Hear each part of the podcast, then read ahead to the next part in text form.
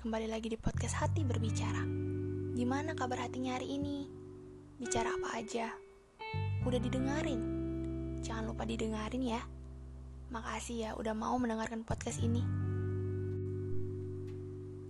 Ketika aku sedang banyak masalah, lagi banyak tugas sampai aku harus begadang malam, lagi capek hadapin dunia.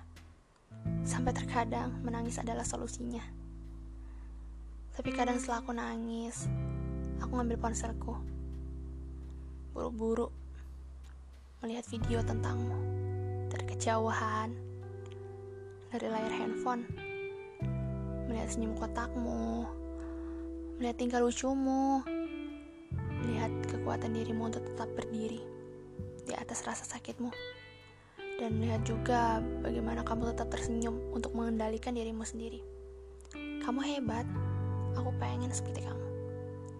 Makasih ya udah bantu aku untuk melupakan rasa sakitku, rasa kecewaku, dan rasa sedihku.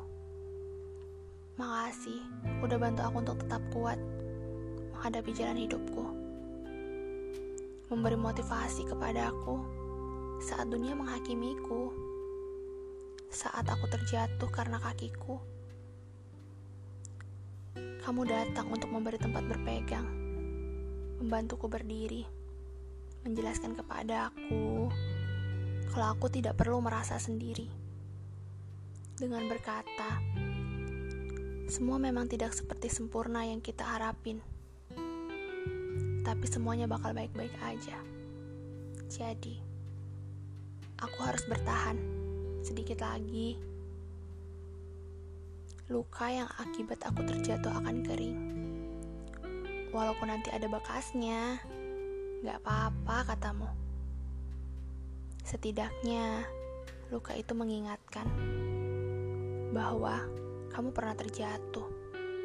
Jadi jangan terluka lagi. Sayangi dirimu. Sangat kuat bukan dirimu? Itu kata-kata yang aku ingat sampai sekarang kalau berbicara tentangmu. Tentang seorang laki-laki dingin yang penuh dengan misteri, tapi mencoba menghibur. Bodohnya aku keambil hati. Jatuh hati pada seseorang yang dia saja tidak tahu aku ada di dunia ini. Menusuk sih kalau berbicara ini. Tapi ya mau bagaimana lagi?